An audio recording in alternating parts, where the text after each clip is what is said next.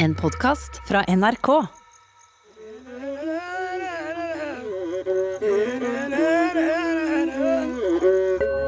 Hvis det stemmer at dronningen av Saba forførte kong Salomo for 3000 år siden, så stemmer det kanskje også at ungen hun fikk, ble keiser av Etiopia? Og at Haile Selassie, den siste keiseren, var i slekt med ham? Han som ble styrtet og begravd i en utedass. Men hva har det med Bob Marley å gjøre? Og stemmer det at steintavlene med de ti bud ligger i ei kiste et sted? Det er slik jeg lurer på, for jeg har vært i Etiopia. Toms afrikanske fortellinger. Jeg heter Tom Christiansen og har reist hele mitt liv i NRK, særlig i Afrika.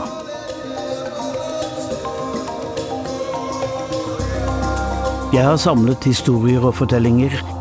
Jeg har fått dem fra fattige bønder og rike konger, fra fantaster og patriarker.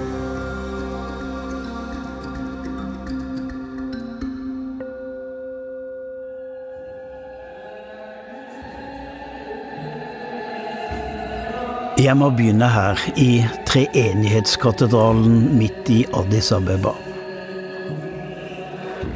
Folk er samlet til påskemorgenens gudstjeneste. Disse tonene har blitt sunget i 1700 år på det samme gamle språket ges. Ingen kirkensamfunn i verden er eldre enn den koptiske kirke i Etiopia. Familiene er kledd i hvitt, jeg har selv fått et laken over skuldrene. Mødrene er kommet med fargerike parasoller i blått og rødt og gull og grønt. Jeg har reist til Etiopia for å finne ut hvordan dette fantastiske landet er blitt til. Og det er blitt en lang reise. Den strekker seg over 3000 år og til flere land.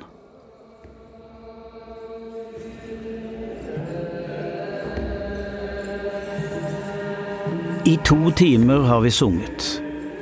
Jeg skjønner ikke et ord, men aner noen symboler og prøver å tolke fargesterke bilder på veggene av Jesus og apostlene og noen folk jeg ikke har sett før.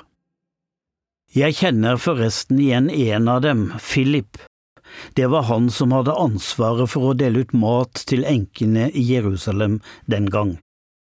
20 år etter Jesu død traff han en evnukk fra Afrika, en etiopisk hoffmann på reise. De førte lange samtaler om mesteren som døde noen år tidligere, og det endte med at den reisende ble døpt. Han kom seg hjem igjen, og slik starter den koptiske kirke i Etiopia. På andre veggbilder ser jeg de tre vise menn ved krybben i Betlehem. Men den ene av dem er neppe en vis mann fra øst. Han er svart og kommer fra sør, fra Etiopia. Vi kjenner han som Balthazar. Så etioperne, de var til stede allerede ved krybben.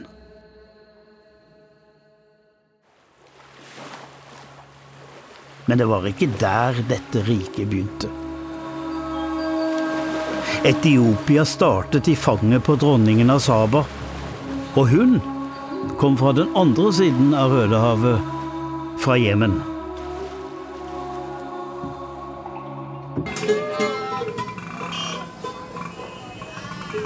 Jeg tok meg inn på et pepperkakehus av et hotell i Sanaa, hovedstaden i Jemen. De kalte landet Det lykkelige Arabia, men lykken er for lengst tapt. Husene har stått der i mer enn 1000 år, murt i brun leire og med hvitmalte vindusrammer. Det var herfra hun kom.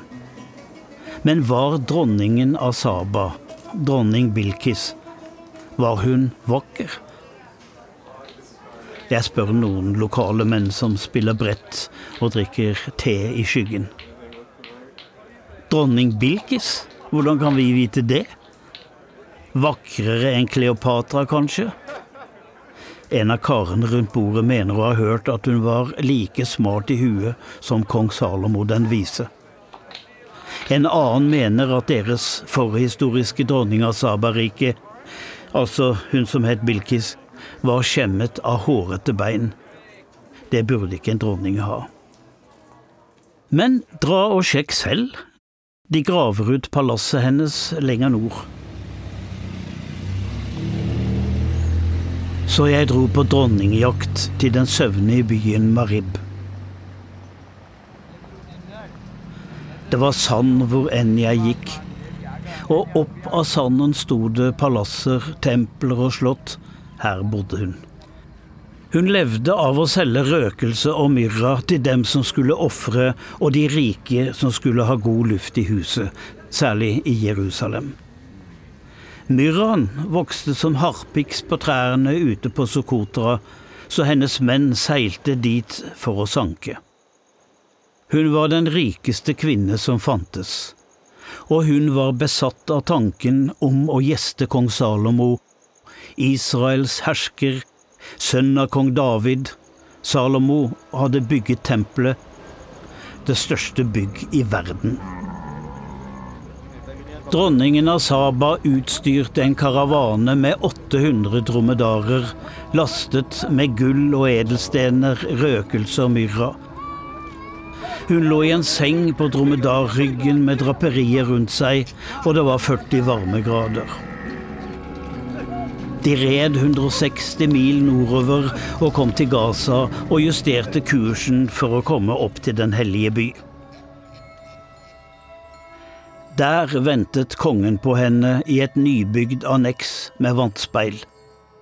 Det så ut som et glassgulv, men det var vått og hun måtte løfte skjørtene og da kunne kong Salomo selv finne ut, om det bare var rykter, at hun hadde hårete bein. Og det er ikke bare løse rykter, det står i Koranen. Hun spurte kongen om mangt, og han svarte klokt og med stor kunnskap.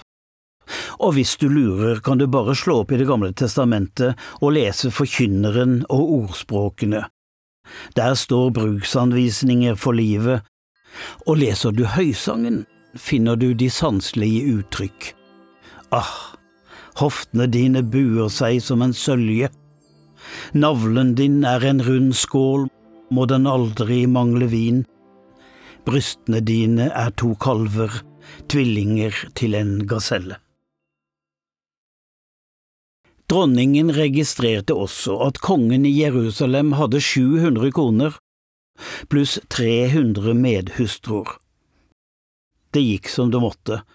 Hun fikk en sønn, som ble kalt Menelik.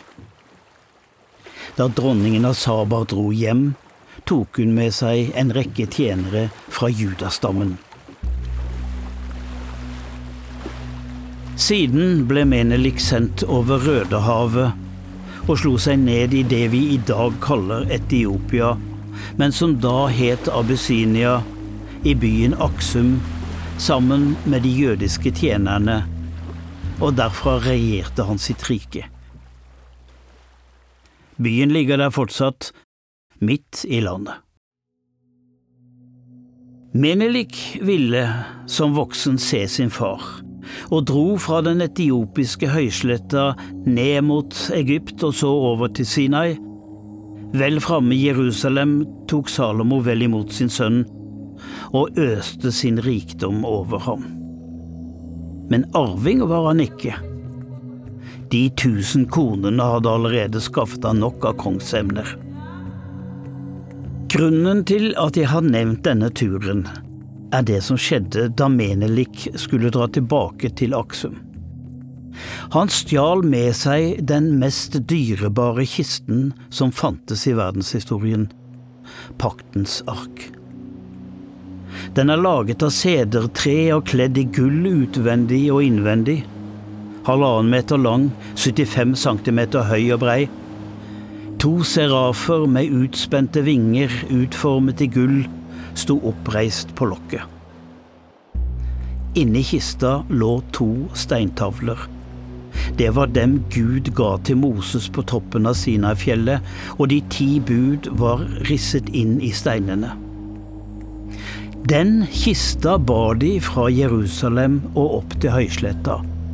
Og kista fins den dag i dag. Tildekket og gjemt bort i det innerste rommet i katedralen. Og bare én mann har som oppgave å vokte paktens ark for resten av livet, og deretter hans etterkommere. Men finnes steintavlene med de ti bud? I sidekapellet til katedralen Vår Frue Maria av Sion? Tja, kan vi tro at dronning Bilkis av Saba i det hele tatt fantes? At hun reiste til Jerusalem, at sønnen siden stjal paktens ark? Vi må tro det, for etioperne tror det. Det er en del av deres nasjonalhistorie, nedtegnet i historiske bøker og gjenfortalt gjennom slektsledd. Med paktens ark ble verdens midtpunkt flyttet fra Jerusalem til Aksum. Og der er alle keiserne blitt kronet helt til den siste. Allerede da brukte de et nytt samlende navn på Abyssinia-riket. Det ble kalt De svartes land. Det betyr Etiopia. Men hva var det som skjedde 60 mil lenger sør? I byen Lalibela fikk jeg se kirker som ikke var bygget, men hugget ut av fjellet. Det var påske da jeg kom, og de sang hymner slik de har gjort i 800 år. Prester i hundretalls hadde kledd seg i rødt og hvitt de blåste i horn, ristet sine bjeller, de ba og bukket. De løftet dekorerte koptiske kors, og jeg trodde ikke det synet så.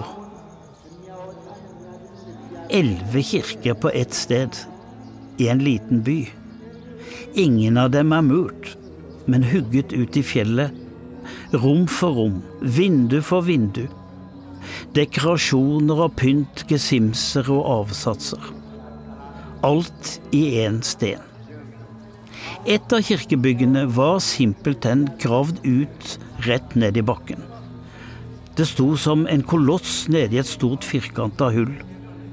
Menigheten ber de samme bønnene nå som da, og synger de samme hymnene. De ber hele natten, og med daggry kommer påskemorgen. Da serveres oppstandelsesmåltidet, som er en altfor stor pannekake injera, brettet ut over bordet, i midten fylt av kjøtt og saus. Så river vi av en bit av injeraen og bruker den i ei klype for å få med kjøttet. Bryter brødet, det minner om nattverden, og så mater vi hverandre i fellesskap.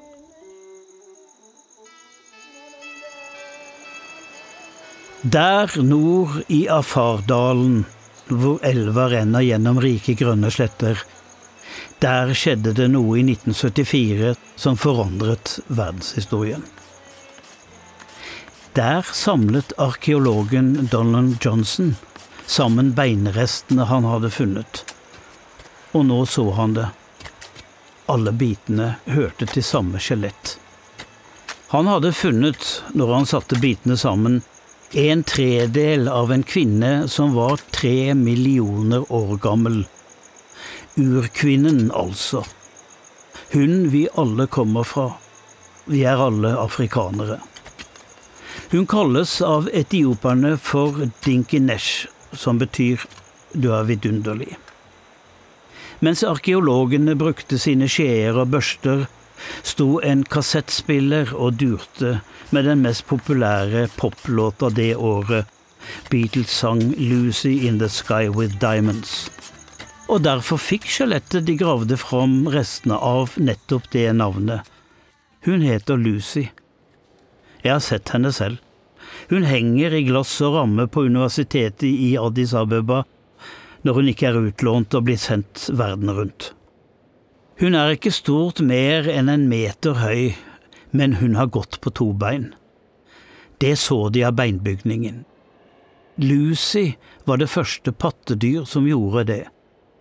En litt rullende gange, kanskje, hun gikk ikke som oss, men siden Lucy kunne gå og løpe, sto hun sterkere overfor farlige rovdyr. Hun var en overlever. Men funnet av henne viser hvor vi alle kommer fra. Er det forresten fra henne verdens raskeste løpere har hentet sine gener? De kommer jo herfra. Men det er noe annet også med etioperne. De er så ranke, så overlegne, arrogante, vil noen si. Eller er det fordi de aldri har vært tatt over av noen europeisk kolonimakt, men klart seg selv? Og kall dem ikke afrikanere, de føler seg hevet over å bli sammenlignet med svarte fattigfolk. De er seg selv og seg selv nok. Etiopia har aldri vært en koloni, men de ble okkupert en gang av italienerne i fem år fra 1936. Da måtte keiser Haile Selassie dra i eksil til London, der han forresten traff en annen kongelig, Håkon den 7. av Norge, og hans sønn, kronprins Olav.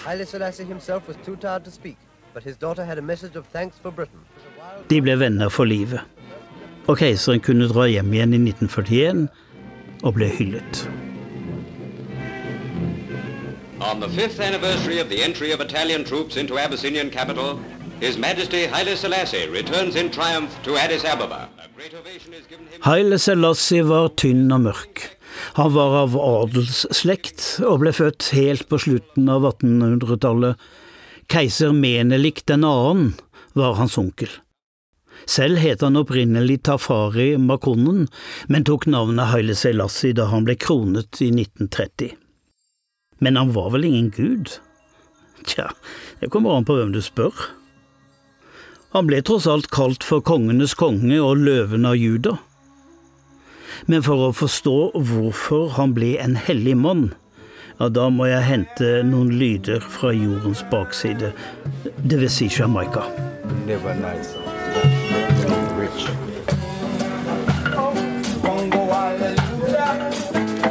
På de karibiske øyer levde etterkommerne av de afrikanske slavene. Det eneste slavedriverne tillot dem å lese, var Bibelen. Og derfra diktet de sin nye historie og ferske religion, for de var i utlendighet slik jødene en gang hadde vært.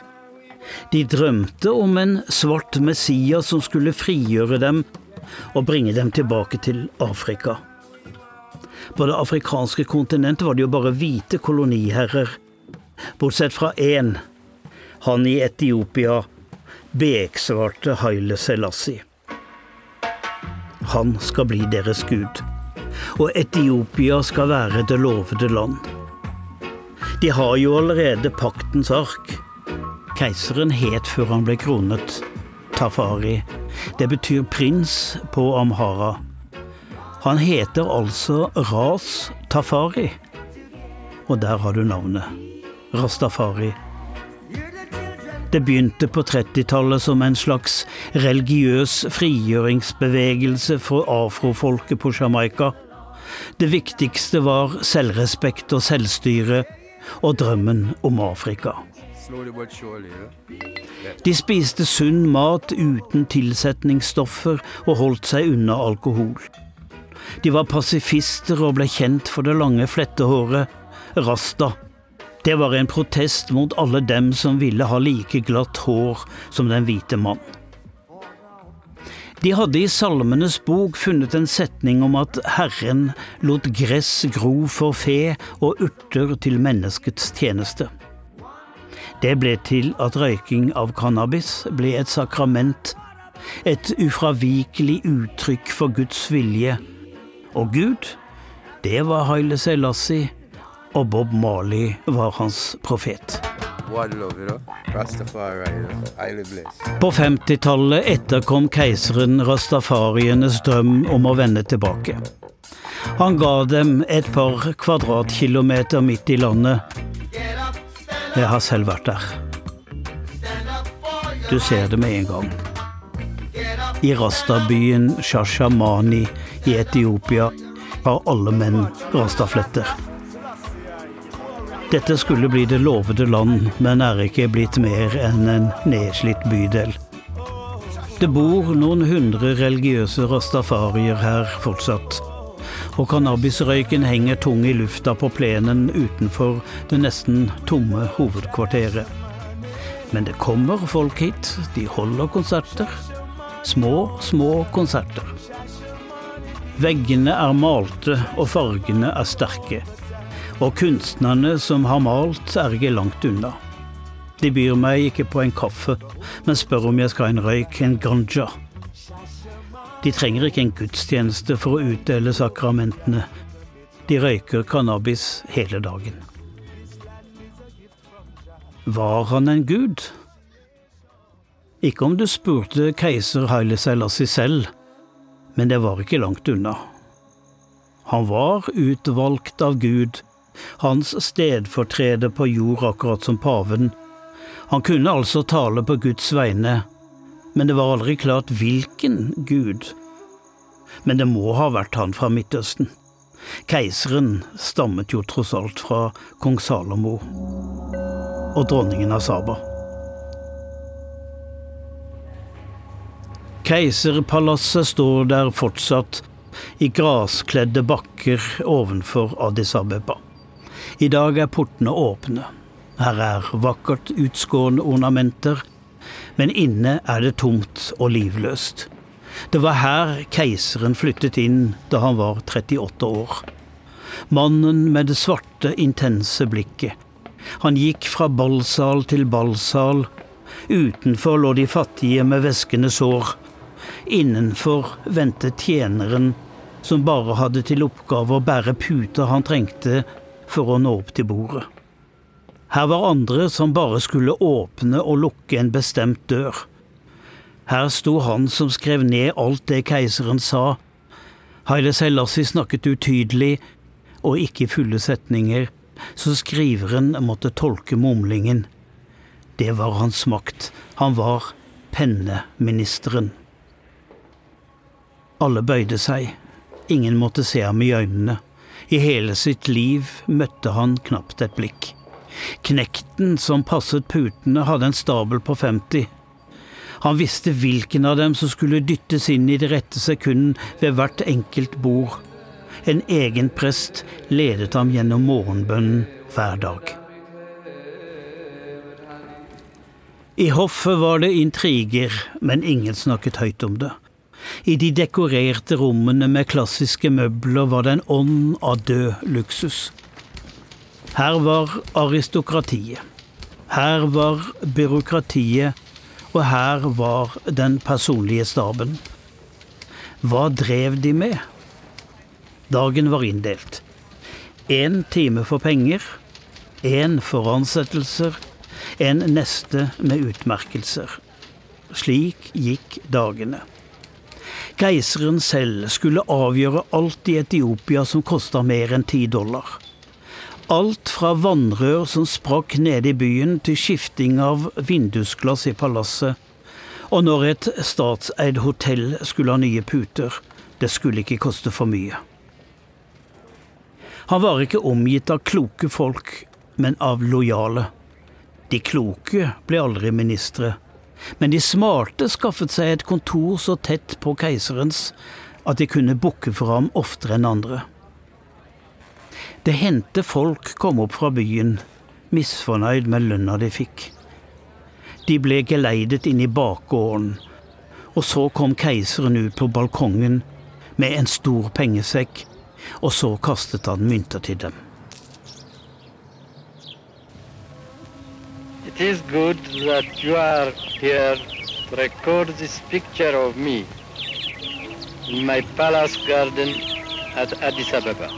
Han satt ofte i hagen alene, men elsket å bli sett. Tross alt dette reformerte han Etiopia. Han ville gjøre landet til en moderne stat og begynte med å opprette domstoler. Til nå hadde folk blitt dømt på mistanke, av naboer, uvenner og fiender. Folkehopen krevde henrettelse, og så var det familien som måtte partere en far eller ektemann levende.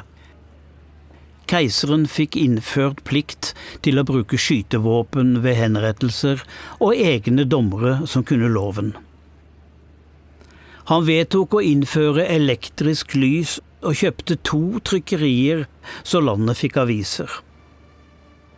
De første bilene kom, og han sendte begavet ungdom til utlandet for å studere Senere fikk Addis Abeba sitt eget universitet. Men reformene var for eliten. Landet var blant de fattigste i Afrika, keiseren blant de rikeste. Han sto fram med prangende uniformer og glitrende medaljer. På 70-tallet begynte folkets kjærlighet å slå sprekker. I nord var det sult og titusener døde. Noen sa 100 000. Men det var ikke nytt, sa han. Sult kommer av naturens luner og av tørke. Men det var ikke derfor folk døde av sult. De hadde mais for de rike, eller kornet ble solgt i dyre dommer til utlandet. Studentene reagerte og demonstrerte. Bøndene reagerte, drosjesjåførene tutet når de passerte departementene. Så fikk utlandet nyss om sulten. Internasjonale nødhjelpsorganisasjoner kunne fortelle at de måtte betale ekstra skatt for å bringe inn mat og medisiner til de døende. Og det begynte å ulme i hæren og keisergarden. Vi vet hvordan det gikk. Offiserer gikk sammen i en marxistisk sammensvergelse og begikk et langsomt statskupp. Til slutt avsatte de den 82 år gamle keiseren. Det var i 1974. Mens revolusjonen pågikk, levde keiseren som før. Med sine ritualer og sine tjenere, og han utferdiget ordre som ikke ble fulgt. Hans store prosjekt var å bygge store demninger langs Blånilen, som renner ut av Tanasjøen i nord. Fra disse dammene kunne man lede vann ut til bøndene, så det ikke ble tørke. Staben syntes det var helt vilt, mens landet langsomt gikk i oppløsning og folk sultet i hjel. Folk måtte gjerne drikke av Nilen, men de kunne vel hente vann i egne bøtter.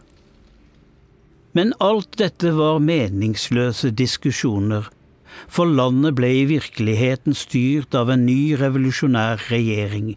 Keiseren avsatte ministre som alt var avsatt, fjernet folk han ikke stolte på, men de fikk jo jobb i marxistregjeringen. Morgenvanene var som før, frokost med familien, men ingen torde si at alt var over at landet ble styrt av noen andre. Og så kom de unge offiserene på besøk. Palasset var nesten tomt for folk. Offiserene spurte hvor han hadde gjemt penger, og de fant noen av dem. Under persiske tepper og spedd inn i gamle bibler. Og hva med alt det han hadde gjemt i utlandet? Til slutt var det bare han og hans kammertjener igjen. I september 1974 ble han geleidet ut av de militære, og kuppet i Etiopia foregikk altså slik. Keiser Haile Selassie ble plassert i baksetet av en blå folkevogn. Ei folkevogn, og eskortert av to militære jipper som fraktet ham til en militærbase. Der fikk han en villa å tusle rundt i. Der ble han til han døde året etter. Han døde komplikasjoner etter en prostataoperasjon, sa det nye regimet. Årsaken var en helt annen. De kvalte ham i senga og begravde ham i en utedass, og der lå han i 25 år før de fant liket og ga den siste keiseren en storslagen siste reise til Treenighetskatedralen. Så var det tid for marxisme og diktatur, reformer og blodbad. Og det ble ledet av en offiser med lang tids tjeneste, Mengistu Haile Mariam. Blant de saker han arvet fra keiseren, og som i ti år hadde blitt verre, var sulten. Det ble lagt lokk på all informasjon, og folk ble fortsatt nektet adgang til dødsriket. Men Mohammed Amin visste. Uh, I don't think anybody can feel happy going and filming people die. Han var den legendariske filmfotografen fra Kenya som brøytet seg fram. Han var min fotograf når jeg besøkte Nairobi, og han fikset alt. Mohammed hadde hørt om sulten og massedøden i Etiopia, og han hadde en plan for å komme seg inn, men han måtte ha med en journalist og kalte på seniorreporter Michael Burke i BBC.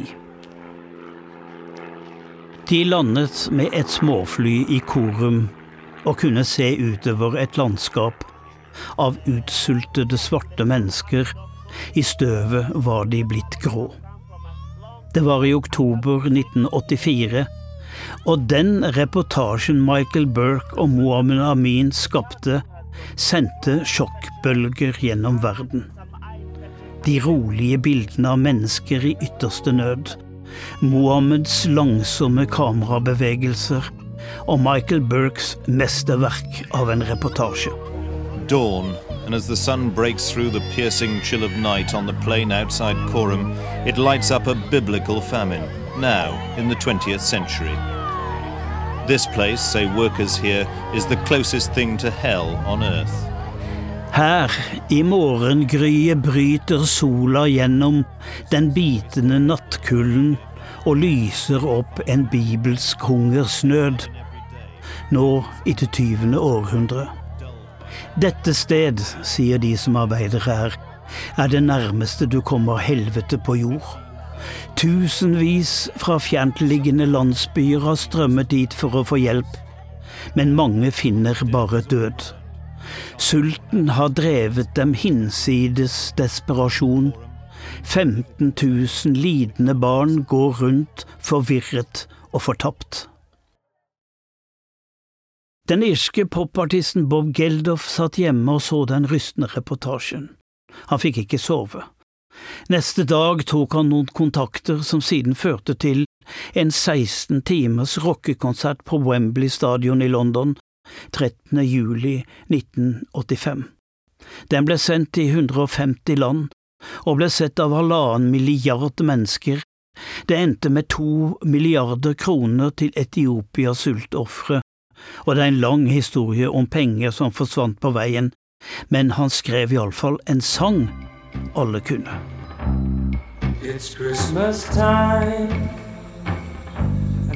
No Etiopierne lyttet til sangen uten å si noe. Do they know it's Christmas? Visste ikke Bob Geldof at Etiopia hadde feiret jul i 1700 år? Og videre i teksten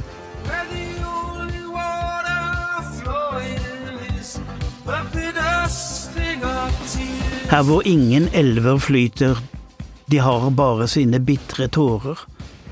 Hadde ikke Geldof hørt om Nilen? En million mennesker døde, jeg husker bildene. Redd Barna hadde en annonse i avisene med bilde av en utsultet treåring aleine med et tomt blikkfat og øyne uten liv. 30 år etter sultkatastrofen mintes jeg den jenta. Kan det tenkes at hun lever? Jeg kontakta Redd Barna, som begynte å lete etter ei nål i høystakken. De fant fram til en pensjonert lokal bistandsarbeider. Han tok noen kontakter, og det tok ikke lang tid før han meldte seg. Jo, hun lever. Hun heter Bergode og bor med sin familie, og hun tar gjerne imot besøk. Det var et langskudd, og jeg dro. Fly, bil, motorsykkel, så inn i bushen på beina, og der sto hun, smilende. Hun hadde forberedt et måltid og ville servere sine gjester av det hun hadde dyrket og laget selv. Kaffe, rundstykker, tomater. To av barna skulle på skolen, den minste var for liten. Far sto på jordet med hakka og dyrket urter og krydder og grønnsaker. I bekken var det vann. Jeg hadde tatt med meg det skrekkens bilde av henne fra den gangen hun var et skjelett. Småjenta, Bergodes treåring, stirret på bildet. Ja, sier mamma, det var meg da jeg var liten. Det var så mye sult her. Men Men kan jeg bli sånn? spurte hun forskrekka. Nei, kjære barn, det skal da aldri skje med deg. Mengistu Haile Mariams marxistiske terrorregime varte til 1991. Da hadde muren falt og det indre opprøret var i gang. Snublesteinen var Mengistu han måtte vekk, men var det noen som kunne ta ham? USAs president Jimmy Carter grep inn og fikk overtalt Zimbabwe til å ta Mengistu. Der styrte en annen marxist, Robert Mugabe. Jeg husker det som det var i går, for jeg var stasjonert i Harare den gang, og Mengistu flyttet inn i det fasjonable Gunhill-området like der jeg bodde. Der sto et ledig hus som regjeringen eide, og politiet satte opp et lite telt for sikkerhetsvakter utenfor. Der bodde han i stillhet med kona og fem svært unge livvakter som han hadde tatt med seg hjemmefra. Det var ikke så enkelt. Det hørtes høye rop og gjenstander ble kastet. Det hendte at livvaktene stakk av. De oppsøkte presidentens kontor og ville heller gå på skole. Selv ville Mengistu ha presidentens oppmerksomhet og noen privilegier i tillegg. Mugabe holdt ham på avstand. Han skulle ikke få mer luksus enn den han allerede hadde fått i et lite hus.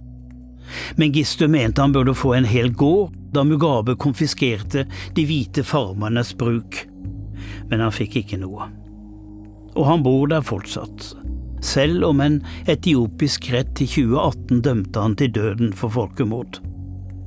Den 84 år gamle Mengistu stavrer fortsatt rundt i Harare sentrum med stokk og følge, og ser ikke ut til å tynges over å ha drept en halv million landsmenn. Hjemme i Etiopia var en ny statsminister i gang. Meles Senavi, en energisk mann med mørke øyenbryn. Han ble statsminister i 1991. Han var en demokrat, men ganske hard i klypa. Og nå gjorde han det keiseren hadde fablet om. Han bygger en dam over Nilen. En eneste dam. Det skal bli den største Afrika har sett og gi 6000 megawatt til lampene fra Rødehavet til langt inn i Uganda. De skal betale den selv, og han inndro ei årslønn fra hver etiopier for å få det til. Jeg dro til den dammen for å se den med egne øyne. Det var uvirkelig.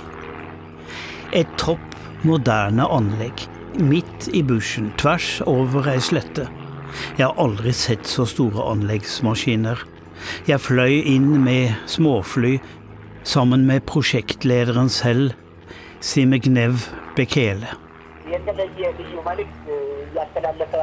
Han var en superkjendis i Etiopia. Folk bøyde seg i respekt når de passerte ham på gata. Denne konstruksjonen, renessansedammen, var landets stolthet og var det eneste som samlet de etniske gruppene. Bekele bygget det moderne Etiopia, mens Egypt og Sudan truet med krig. Etiopierne kunne da ikke bare ta vannet de andre var avhengig av. Men det var heller ikke planen. De skulle ikke ta noe, og demningen skulle fylles opp over sju år. De diskuterer det fortsatt. Men damingeniør Bekele kjente trykket. Det ble forsinkelser, og budsjettet røk. Presset utenfra, pengene, kalenderen. Til slutt ble det for mye. De fant han død i landcruiseren sin på en parkeringsplass i Addis Abeba. Bilen var låst, og Bekele hadde en revolver i hånden og et kulehull bak høyre øre. Det endte med opptøyer og demonstrasjoner i gatene. Den nye statsministeren Abiy Ahmed hadde ikke sittet lenger enn tre måneder da det skjedde.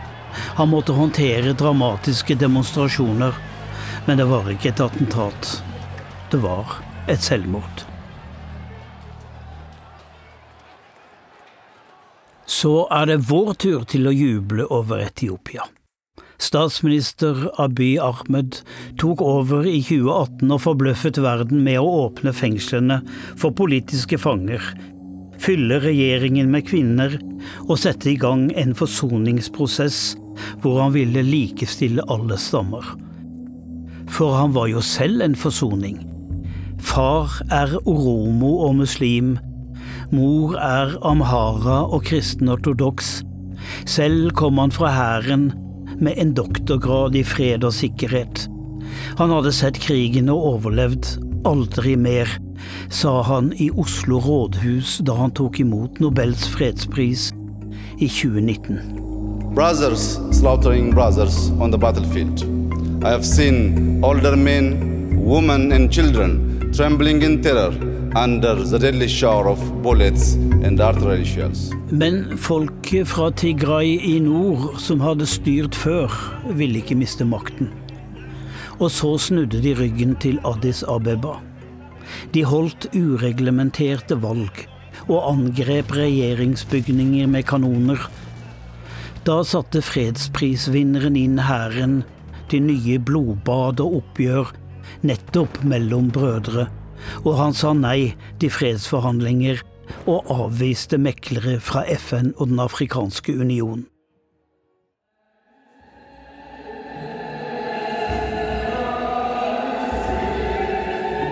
Fra katedralen stiger fortsatt bønnene til Gud om å bli sett i nåde til. Men det er krig nå, og fredsmannen må ha glemt hva han sa i Oslo. Menigheten ber om Guds beskyttelse, og bønnen stiger opp til selveste fredsfyrsten, men hører han dem? Jeg ser meg rundt i den hvitkledde forsamling. Tonene stiger og synker fra alvorlige menn og bekymrede kvinner. Jeg blir bedt om å ta et røkelseskar, og jeg svinger det sånn som prestene gjør. Skyer av søt røkelse stiger mot takmaleriene. Ute er det krig og uro. Her er det harmoni og bønn. Ute er det internett og politiske fanger og en ny statsmann som har holdt på i tre år. Tonene og ritualene her inne har holdt seg i 1700 år. Toms afrikanske fortellinger. Du kan høre flere episoder av Toms afrikanske fortellinger i appen NRK Radio. Denne podkasten er laget av Tom Christiansen. Klipp og lyddesign var ved Øystein Vesaas, og Marius Christiansen har laget musikken. Produsert av Svarttrost Produksjoner. Redaktør i NRK er Gitte Kalmeier. Du har hørt en podkast fra NRK. Hør flere podkaster og din NRK-kanal i appen NRK Radio.